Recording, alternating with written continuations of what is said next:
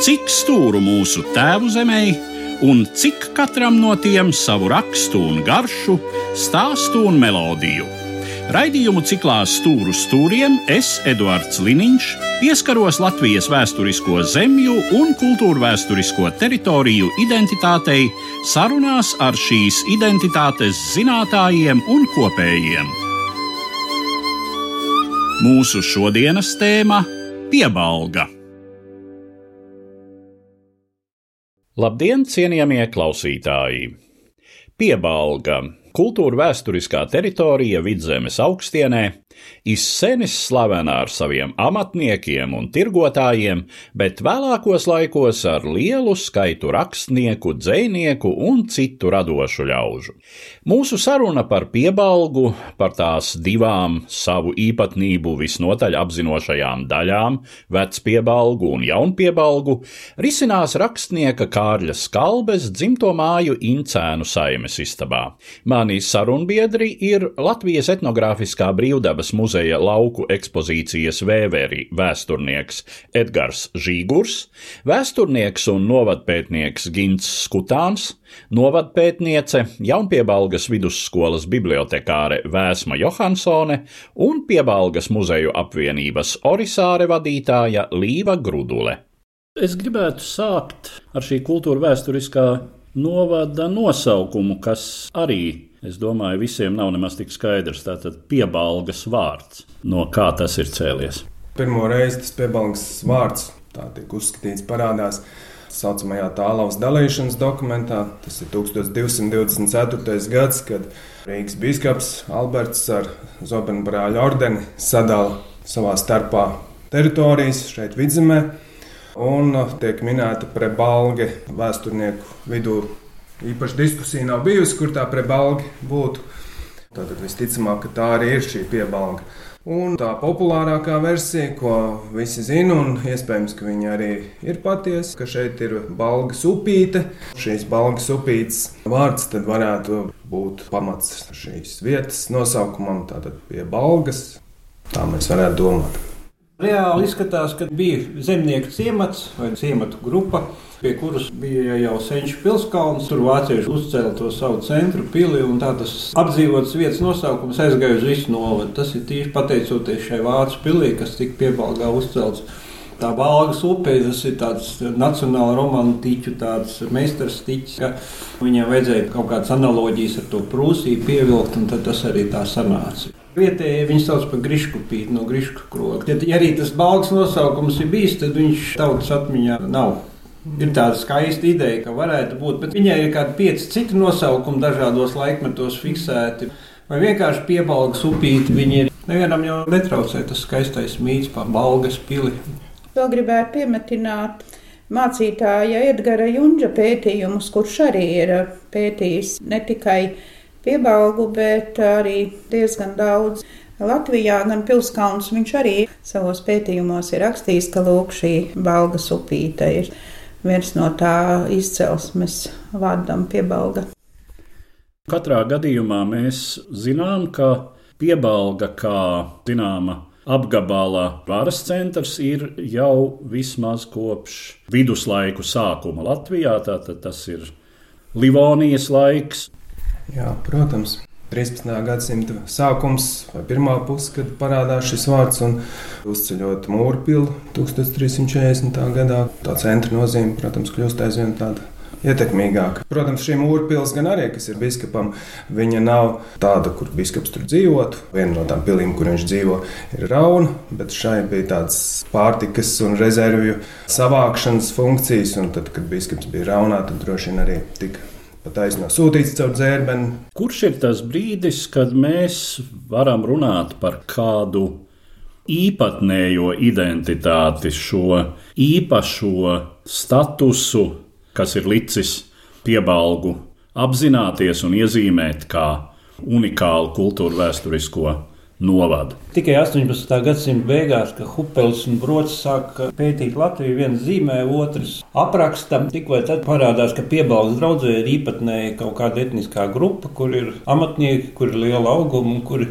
stipri atšķirās no visiem. Un tad sākās tie skaidrojumi, meklējumi, no kā viņi cēlušies, tur vai no krieviem, vai no igauniem. Un pirmais, kas raksta par jaunpiebalgas draudzes īpatnībām, ir mācītājs Napierskis, pazīstams publicists un vēstures amatieris, pētnieks. Un viņš raksta, ka neizskaidrojama situācija, ka Jaunpiebalgas draudzē ir divi pagasti - Jaunpiebalga, jeb virde kādreizējā, un ranka, un ka tie cilvēki ir savā starpā nesavietojami. Viņiem ir pilnīgi atšķirīgs tautas tērps, atšķirīga mentalitāte, atšķirīgas tradīcijas. Tas arī mūsdienās arī vēl viss saglabājies. Piebalgā bija gan rancēnieši, kas piederīja gulbenē, augšzemniekiem, gan arī īstie vidus latvieši, tad piebaldzēni. Bet eh, tādas nosaukums piebaldzēni neeksistē. Tas ir 19. gadsimta beigas, kad radās šie pagastu nosaukumi. Tad ir vienkārši runa par jaunpiebalgas draugus latviešiem un vecpiebalgas draugus latviešiem. Diemžēl tas stāsts ir tikai 19. gadsimta sākums, kad parādās tādas drošas ziņas, ka ir tāda etniskā grupa kā piebaldzēna. Tad, laikā ejot tālāk, ir 19. gadsimta vidus un otra puse, kad jau ir pilnīgs piebalgas uzplaukums saimnieciskā, un garīgā un kultūrālā ziņā. Mazliet atpakaļ arī jau patiesībā ar 17. gadsimta ar skolu rašanos, 17. gadsimta beigas, ka ļoti daudz šeit piebalgs apkārtnē ir to skolu, ja, un līdz ar to tā izglītošanās, un tas viss arī man šķiet, ka tāds ļoti raksturīgs piebalgai. Vēl skatoties pa tiem vēstures līkločiem, kā tas varētu būt, protams, tas nav varbūt unikāli tikai piebalgai. Tur kaut kas tāds varētu būt vērojams. Viens, protams, mēs runājam par šīm arhibīskapijas teritorijām. Labi, tās teritorijas ir plašas, bet šeit tā īsti privāti mūžas, izņemot varbūt tur veļķu mūžu un, un, un kaut kur nomalēs. Šīs mazās mūžiņas, bet īsti līdz 17. gadsimtam tādas privātas mūžas tā kā nav. Un arī Zviedru laikos piebalga pati ir būtībā valsts mūža. Pēc Ziemeļkara atkal, lai gan viņi nonāk nosacīti privātu rokās, pēc Ziemeļkara piebalga iegūst cara Pētera pirmā uzticamības persona karavadonis Grāfs Šermeķevs un viņa dzimta piebalgas reģionu pārvalda.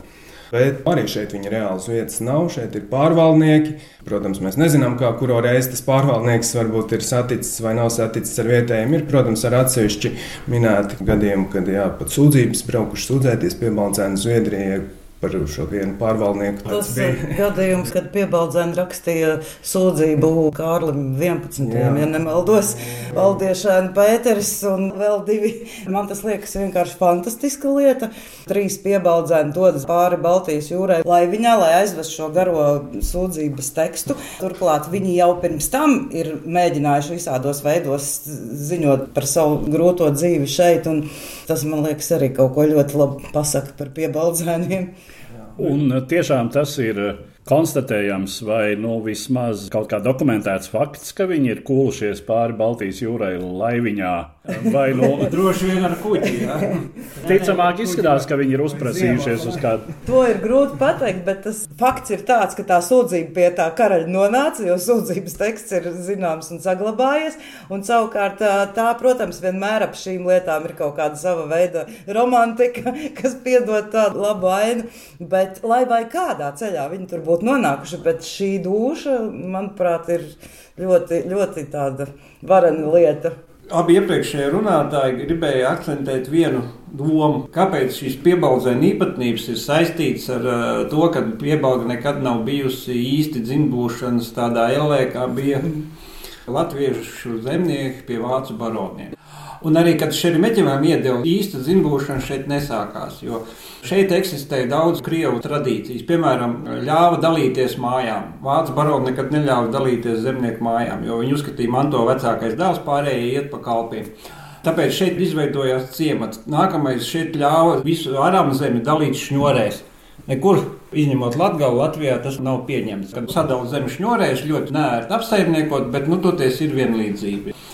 Un arī trešais ir tas, ka tieši dēļ šīs milzīgā tautas pieauguma, visi bija zemes īpašnieki, attīstījās amatniecība. Un tieši tā amatniecības un tirgošanās attīstība bija tas, kas izveidoja piebaldzēnus tādus, kādi viņi ir. Jo tā ir galvenā atšķirība. Piebaldzēniem, nu, ja neskaidrs garu augumu, ka viņi ir amatnieki. Nepavēlts, ka tieši vecpiebaldzēnus, kas arī ar savām īpatnībām atšķīrās no jaunpiebalgas, apkārtēji nevisai mīlēja un sauc par Latvijas žīdiem, jo viņi visu laiku tirgojās. Viņi ir šiverīgi, jā, un arī tas mūsdienās tas arī ir vērojams, ka vecpiebalgai ir vairāk tās naudas lietas, materiālais, bet jaunpiebalgai ir vairāk amatnieki. Bet zin kā viens vecais vecpiebaldzēns teica, ka tirgošanās tieši tā jau bija tā lieta, kas piebaldzēnam ļāva sūtīt savus bērnus skolā, nu, respektīvi izglītot, kas ļāva kaut vai abonēt eh, laikrakstus, runājot jau par 19. gadsimtu, un galu galā ļāva svētkos dzert kakao un kafiju.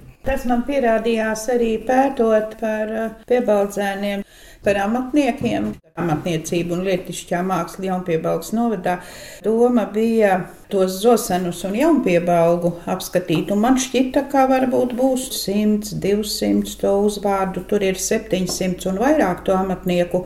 Un katrā senā lauku sētā nāca tiešām tās informācijas, ko tu, Līva, teici par to, ka lūk, mūs varēja skolot, tāpēc, ka vecvecāki nāca no šīs amatnieku dzimtes. Un par to liecina daudzas tieši naudu lietas, ka, piemēram, 1913. gadā bijušas Maskavā izstādes, kur bija zirga lietas. Jā, nopelnīja par šo izstādi kā pirmo vietu ar simt zelta rubļiem, tad tā jau bija vesela bagātība.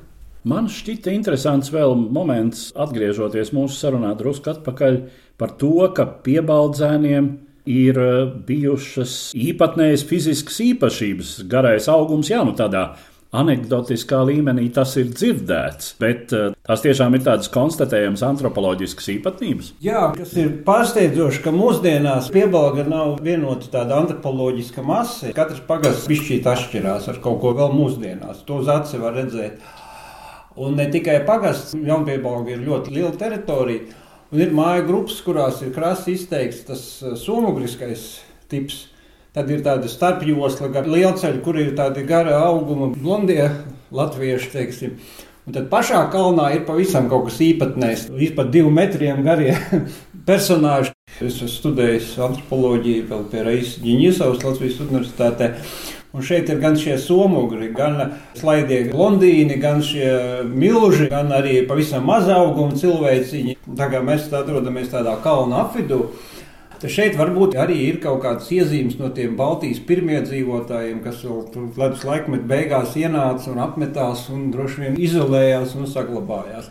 Nu, piemēram, Kārlim Skalbim ir ļoti īpatnējs arī antropoloģiskais tips. Varbūt varam minēt, ka viņam arī ir saistība ar senajiem akmens laikmetu iedzīvotājiem. Jo tieši tur, kur ir bišķīti ielē, tur cilvēki ir vairāk tādi eiropeiskāki, bet, kad uziet kalnos vai purvos pie upēm, viņi paliek bišķi austrumnieciskāki, tīri antropoloģiski. Vizuāli tāds košs piemērs ir brāļa kaudzītes, kur viens ir tas garais slaidais, un otrs mazākais un druknākais. Piemēram, Kārlis Skalbi arī ir pie tiem mazajiem mazajiem druknējiem. Ja mēs velkam vēl tālāk to, tad mums ir dižais piebaldzēns dramaturgs Pauls Putniņš, bet ja mēs viņam blakus noliekam novadnieku Aleksandru Kirsteinu, tad jau mums ir atkal otrs tips. Savukārt, tie garā auguma cilvēki, viņi saistā sevi ar krieviem vai zviedriem. Tad ir divas tās leģendas. Tā viena leģenda, ka tie ir krievi, gvardi, kas nometināti, tāpēc uh, viņiem ir tas garais augums. Tā ir ļoti, ļoti jā. dzīvot spējīga leģenda. Bet kurai absolūti nav nekāda pamata. Jā, jā. tieši tā. Es pierakstu, ko tie cilvēki stāsta vietējie piebaldzēni jau 20 gadus. Un jaunākā leģenda par vecpiebaldzēniem, kurus es mazāk pazīstu kad viņiem ir daudz uzvārdu savādi - Kornets, Dravans, Vīgants un bijis saņemts gustā Zviedru orķestris, un tad viņi nometināti vecpiebalgā, un tad muzikālie talantīgie cilvēki vecpiebalgā tie, kas caušies no šī Zviedru pūtēja orķestra, ko pie Poltavas saņēmuši gustā. Nu, tā arī, protams, ir pasaka, bet toties tā ir no tautas leģenda. Jā. Bet par leģendām un pasakām turpināt, man ļoti patīk eh, Maris Svētra savulaik rakstot par Arturu Bērziņu piebaldzēnu. Ir ļoti, manuprāt, skaisti skaistu salīdzinājumu pateicis, ka vecpiebaldzēni ir lielākie putni starp latviešu ciltīm.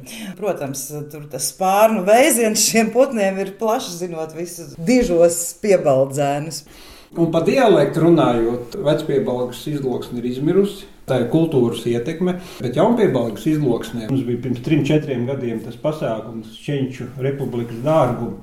Tad ap desmit cilvēki, kas runāja tajā izloksnē, tā skaitā daži personāļi bija ar vāju dzirdi. Un tie, kam ir vāja dzirdi, viņi saglabā to jaunības valodu. Un vienīgā no izloksnēm, kur var dabūt teicējs, tā ir jaunpiebalga. Apmēram nu, 10 līdz 20 runātāji. Vecpiebalgā es nekad nevienu neesmu dzirdējis, kas runā izloksnē. Zosērnos bija daži, bet vairs nav. Rancēnieši ir, bet tie ir pie augšzemniekiem, tie nav piebaldzēni. Nu jā, tā tad droši vien tas viens novada īpatnības veidošanās iemesls ir reliefs, ir ainava, ka tiešām šī ir bijusi tāda josla, kur uh, dažādu tipu, dažādu īpatnību ļaudīm jau tiešām sākot ar somugriem un varbūt pat tiešām pirmie dzīvotājiem, par kuru etnisko piedarību vēsture neko īsti nezina, tad eh, šeit ir viegli aizķerties aiz tiem auguriem. Vēsturiski vēl skatoties, nu, ir arī šis stāsts par brāļu draugiem, par hernhūtiešiem. Tur, kur ir herhūtieši piebalgā, šeit nav pareizticības. Tas ir viens moments. Otrs moments - tradicionālās kultūras tāda ātrā izzušana, ir sevišķi vecpiebalgā. Ja mēs atceramies, ka Brencēns atnāca meklēt tautas tēpus, tad tautas tēpi jau bija Teātra noliktavā. Viņi bija iznīdēti kā suga. Tas ir 19. gadsimta 80. gados, kad vajadzēja izdot mērnieku laiku. Nu, raksturojoši tas vien, ka bija vai septiņi vai vairāk tie draugu sajietu nami.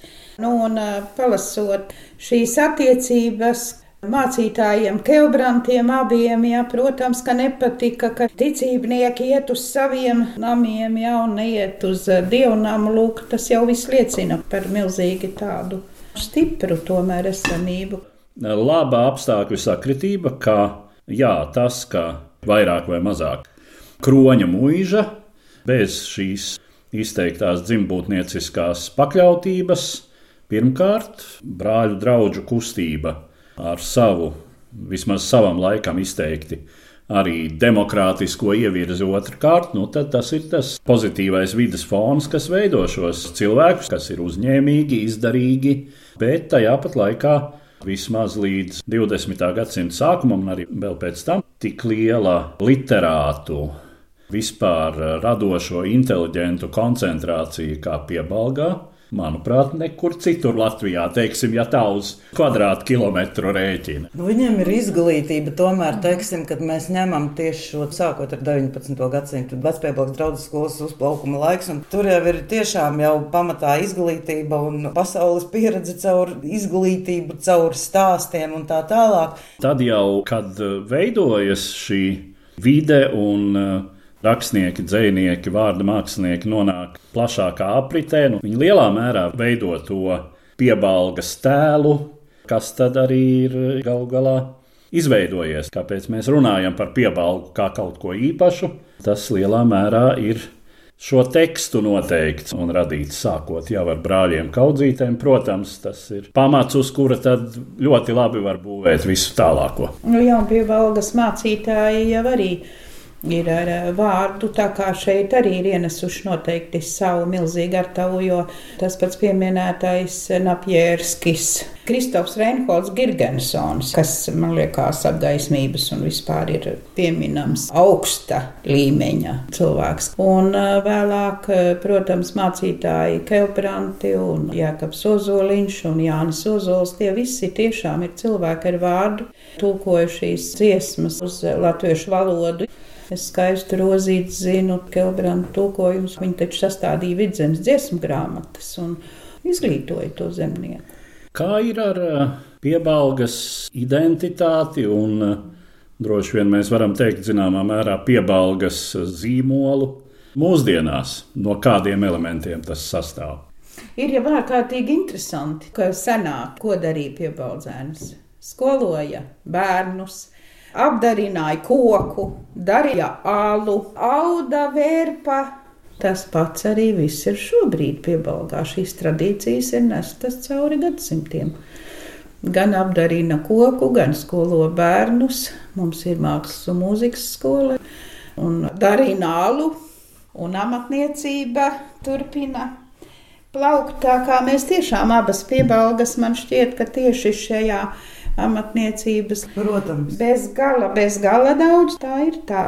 Ko mēs esam pratuši. Īpaši ir varbūt abās piebalgās uzsverama arī šī teātris spēlēšana, kas nav pazudusi. Jo tās tradīcijas ir ļoti nepārtrauktas, ja skatās. Kaut arī teātris, kas faktiski bija Vecpiebalgas labdarības biedrības pamats. Arī netverami apmēri, ko jau labdarības biedrības sākumos Vecpiebalgas teātra kopu spēlēja. Tas apjoms apmēram 80 izrādes gadā, un turklāt Gogolis un viss iespējamais, ko viņi tur iestudē. Un tad šī tradīcija faktiski cauri gadiem vairāk vai mazāk ļoti nepārtraukti. Mēs varam tam teātra gājumam izsekot līdz pat uh, šim brīdim, kad mums arī vēl aizvien Vecpiebalgā ir amatieru teātra kolektīvs Sumaisītis, kas spēlē labā līmenī. Vēl arī par audējiem runājot, kas arī ir tradīcija, kas arī tieši tāpat ir ar kaut kādiem zināmiem atslābumiem, kaut kādos brīžos. Tomēr es domāju, šobrīd tas atkal ir tieši tas brīdis, kad Mūsu audēji ir ne tikai tāda mūža izglītības sastāvdaļa, bet tie darbi nonāk līdz ekspo izstādēm un, un gūst Lauras Dagnijas Kupčas audēju kopa, kas darbojas Vecpiebalgā. Un, starp citu, šī brīdī tieši Vecpiebalgas kultūras nemā ir lielo lakatu izstāde, kas atkal ir tāds arī reizē pētnieciskais darbs, ar ko šīs audējas nodarbojas, ka viņas ņem un attauž šos vecos lakatus vai brunčus. Maize, kas, protams, ir arī peļņas lieta, bet kas arī ir ar pārmantotām receptēm vecajās maizes krāsnīs, nevienā vien vecpiebalgas un vispār piebalgas mājā. Man savukārt ienāca prātā 1895. gadā. Jaunpiebaldzēns Zosenu skolas skolotājs Pēteris Ceriņš pirmo reizi no Latvijas uz Igauniju un Somiju aizved vīru vokālo kvartetu. Lūk, šis dziedāšanas prieks arī līdz šodienai. Dziesmu svētki arī šeit, 1930. gadā, piebalgā, ir bijuši dziesmu svētki. Ir bijis tāds īpašs organizators Jānis Jēbs Valdzēns, kurš ir uzrakstījis 13 lūgas lauku skatuvēm. Interesants dokuments, ko viņš ir atstājis kultūras biedrības uzskaitē kādas lugas, uz kuriem pagastiem braukts. Cik ieņemts, kādi ir bijuši aktieri, visas lomas pamatīgi uzskaitītas un lūk, kur šie ieņēmumi pēc tam ir izmantoti, ka lūk, pēc tam ir eh, būvēta skatuve kultūras biedrībai. Un ziniet, kas ir ļoti svarīgi, ka piebaudzēns grib kvalitāti grib kvalitāti šodien pasākumos, un tiklīdz kā varbūt nav tā veicies, tā piebaudzēns arī sevi prot kritizēt, analizēt un domāt par to, kā vajadzēja, kā labāk. Un tas ir raksturīgi abām piebalgām. Abām piebalgām ir ļoti šī kvalitāte, tieksme uz labāko, uz augstāko. Ja mēs ceļam biedrības namu, tad tai kulisei ir jābūt tādai kā Rīgā, lukturiem, vareniem un tā tālāk, līdz pat tādām, nu, jā, par repertuāru runājot un visu pārējo. Tāpēc varbūt ir tas piebalgas vārds, ja kaut kur skan vārds piebalga, tad jau tie cilvēki, kuri varbūt uz šejieni atbrauks, zinās, ka te būs labi piebaudas zīmolu. Diez vai mēs kaut kā ārkārtīgi izceļamies ar dziesmām, ar audumiem uz vispārēju Latvijas fonu, bet mēs izceļamies ar to, ka pie mums brauc turisti. Tad, ko viņi grib redzēt? Viņi grib redzēt mūsu muzejus, viņi grib redzēt ūdensrozes piecās krāsās. Nu, un, protams, mūsu galvenais turisma objekts Jaunpiebalgā Baznīca. Un labākais turisma gids mums ir ķēnis. Mums atbrauc grupas. Ķēnisim ir jau ievērojams spēku pilnbriets, un viņš nostājas zāles priekšā un priekšnesums eh, sagādā šiem turistiem. Neapšaubām, ka abas piebalgu zīmols ir šis ķēniņa tēls. Bet es vēl gribu pieminēt, atgriežoties pie tās kvalitātes un pie tā visa kas arī ir ļoti būtiski, ko, manuprāt, Pauls Putniņš savu laiku noformulēja kā dziļo rakumu, ka tad, kad um, veidojās piebalgas novada kultūras svētki, tas ir jau laikam pirms 20 gadiem, ja nemaldos, viena lieta mums ir skaistas galda dziesmas, un nereti Latvijā pirmais, kas ienāk prātā cilvēkiem, ir vecpiebalgas ūdensrūzes dziesma bet turpat blakus ir tas dziļais rakums, kur ir daudz vairāk. Nezinu, kā jaunpiebalgā, bet vecpiebaldzēniem viņi daudz vairāk sevi saistā ar brūklināju pareizajā meldijā, ar lainu paliek šoruden, un tad tā ūdensroze, nu tas jau tad, kad svinības uz otru galu. Tā kā uz jaunpiebalgu parasti brauc no vecpiebalgas, tad lielā mērā jau arī šie brāļi kaudzītas, jo es Protams. dažkārt jautāju, nu kā tā jums šķiet, jūs esat Slātavā vai Čangalienā, jo to ir brāļi kaudzītas arī izdarījuši, ka mēs esam slaveni. Jo, diemžēl, no tā romāna arī jau jautā, nu, kur viņš te dzīvoja, kur tā ķencis dzīvoja, kur Pāvils dzīvoja. Kā mēs zinām, ka varbūt īsti ir tikai teņa tēls ļoti tuvu. Bet piebalga, no kuras tas šā vai tā ir norakstīts, jau ir. Tas bet ir literārs daudziem. darbs, to jau mēs saprotam, bet tas neaizliedz tās pēdas meklēt gan ēkās, gan ainavā, gan cilvēku raksturos, jo tur jau tas viss ir arī šodien. Runājot par tādām ļoti konkrētām īpatnībām, vai ir kāda kulinārijas recepte, kas saistās tieši ar piebalgu, kāda sadzīviska ieraža, kāds dzīves paņēmiens vai tam līdzīgi? Nu, zinu, ka mākslinieks Kārlis Miesnieks ir rakstījis savā atmiņā, ka mūsu mājās vienmēr bija skāba putra, un man jau ļoti garšoja mātes ceptā rupmaize ar kārtīgu biespiena kārtu. Nu, protams, piebalga un jērs, ko droši vien šobrīd vairāk visi asociē tieši ar mērnieku laikiem un ar kāpostiem un to jēru, ko viņi krogā vārīja. Jērs patiešām arī ir bijis gan kā iztikas avots, un tad nu gan tiešām Tās receptes tajā laikā arī radās no tā, ka to jēru izmantoja no viena gala līdz otram.